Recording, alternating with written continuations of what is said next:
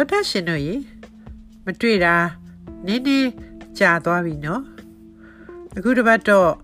USIP မှာဖော်ပြထားတဲ့ Jason Tower နဲ့ Priscilla Clapp တို့ရေးတဲ့ Chaos in Myanmar is China's Nightmare ဆိုတဲ့ဆောင်းပါးကို ARD သတင်းမှာဘာသာပြန်တင်ပြထားတဲ့မြန်မာနိုင်ငံရဲ့ဖျို့ဖျဲအခြေအနေကတရုတ်အတွက် အိမ်မက်ဆိုးဖြစ်တဲ့ဆိုတဲ့ဆောင်းပါးကို အပိုင်းခွဲပြီးတင်ပြပါမယ်မြန်မာရွေးကောက်ခံရတအစိုးရကိုစစ်အာဏာသိမ်းလိုက်တာကိုတရုတ်ကထောက်ခံခဲ့တဲ့ဆိုတဲ့တန်တရားဟာစစ်အာဏာရှင်စနစ်ကိုခုခံနေတဲ့မြန်မာတွေကြားမှာနက်နက်ရှိုင်းရှိုင်းရှိနေပါတယ်ဒီလိုဝင်ရောက်ဆွဖက်မှုနဲ့ပတ်သက်တဲ့ထောက်ထားတွေကိုတစ်ချိန်မှာ ရကောင်းရနိုင်မှာဖြစ်ပါတယ်ဒါပေမဲ့လက်တလုံးမှာထင်ရှားလာတဲ့ချက်ကတော့စစ်အာဏာသိမ်းမှုနောက်ပိုင်းဖျို့ဖျဲခြေနေတွေမှာမြန်မာနိုင်ငံကတရုတ်အကျိုးစီးပွားတွေကိုပျက်စီးစေတယ်ဆိုတာသိရင်ဒီနီလန်းကိုတရုတ်ရွေးချယ်မှာမဟုတ်ဘူးဆိုတဲ့အချက်ဖြစ်ပါတယ်ဆီယနာသိမ့်မှုပြီးအုတ်ချုပ်ရေးနဲ့ တရားဥပဒေစိုးမိုးမှုပျက်စီးလို့ပေါ်ပေါက်လာတဲ့ချင်းချောက်မှုအသစ်တွေကိုတရုတ်နိုင်ငံဟာအများပြည်သူကျန်းမာရေးခန္ဓာကနေအမျိုးသားလုံခြုံရေးအထိစစ်မျက်နှာအားလုံးဒီပါမှာရင်ဆိုင်ရတော့မှာဖြစ်ပါတယ်။အဲ့ဒီလိုအကျိုးဆက်တွေကို အာယုံစိုက်မိလာတဲ့အခါဘေကျင်းဟာဗိုလ်ချုပ်တွေရဲ့စစ်ကောင်စီကို ရှုပ်ဝက်လက်ခံမလားဒါမှမဟုတ် တောင်ပိုင်းအိန္ဒိချင်းမြန်မာနိုင်ငံကသူ့ရဲ့ယင်းနှိမြုပ်နှံမှုတွေကိုကာကွယ်ဖို့တခြားမူဝါဒလမ်းကြောင်းကို လိုက်မလားဆိုတာကိုဆုံးဖြတ်ရလိမ့်မှာဖြစ်ပါတယ်ဆီယနာသိမ့်မှုနဲ့မြန်မာနိုင်ငံကဖျို့ဖျဲချီနေတွေဟာတရုတ်မြန်မာဆက်ဆံရေးတွင်ပြင်လက္ခဏာအလုံးကို ထိခိုက်စေပါတယ်အရေးအပါဆုံးနဲ့ကြိုတင်ခန့်မှန်းနိုင်တဲ့ကိစ္စကတော့ရွေးကောက်ခံခေါင်းဆောင်တွေကို တရုတ်နိုင်ငံကဆယ်စုနှစ်တစ်ခုကြာပြုစုပြိုးထောင်ပြီးဆက်ဆံခဲ့တဲ့အချက်ကိုထိခိုက်စေမှာဖြစ်ပါတယ်ပြီးတော့ကြီးမားလှပြီးကြိုတင်မှန်းဆလို့မရတဲ့ချိန်ချောက်မှုတွေဖြစ်တဲ့နေဆက်မှာ COVID-19 ကူးစက်မှုပောက်ကွဲသွားတာအသက်ပေါ်ပေါက်လာတဲ့ပြိပက္ခတွေကြောင့်အလားအလာရှိတဲ့စီမံကိန်းတွေအဆုံးသတ်သွားစေမယ့်အန္တရာယ်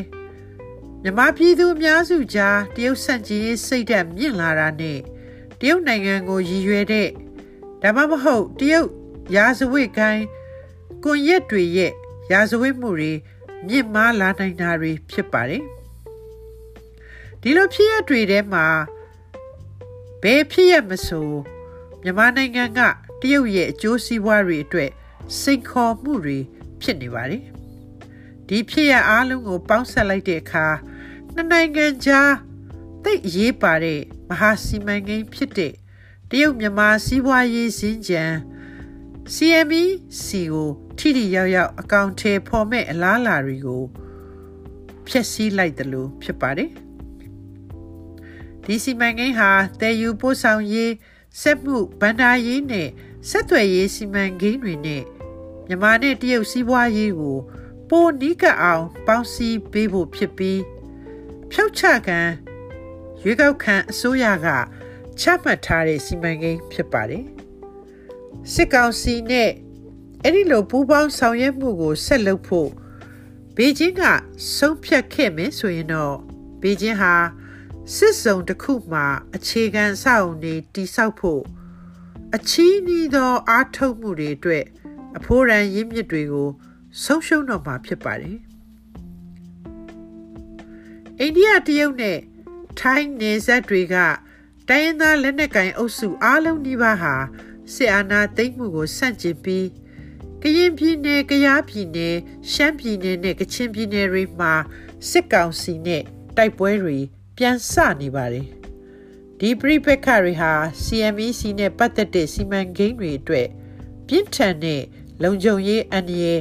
ကြရောက်စေပြီး တိုက်ပွဲကိုအထူးပြင်းထန်စွာ ဖြစ်ပွားစေမဲ့ရှမ်းပြည်မြောက်ပိုင်းနဲ့ကချင်ပြည်နယ်ကို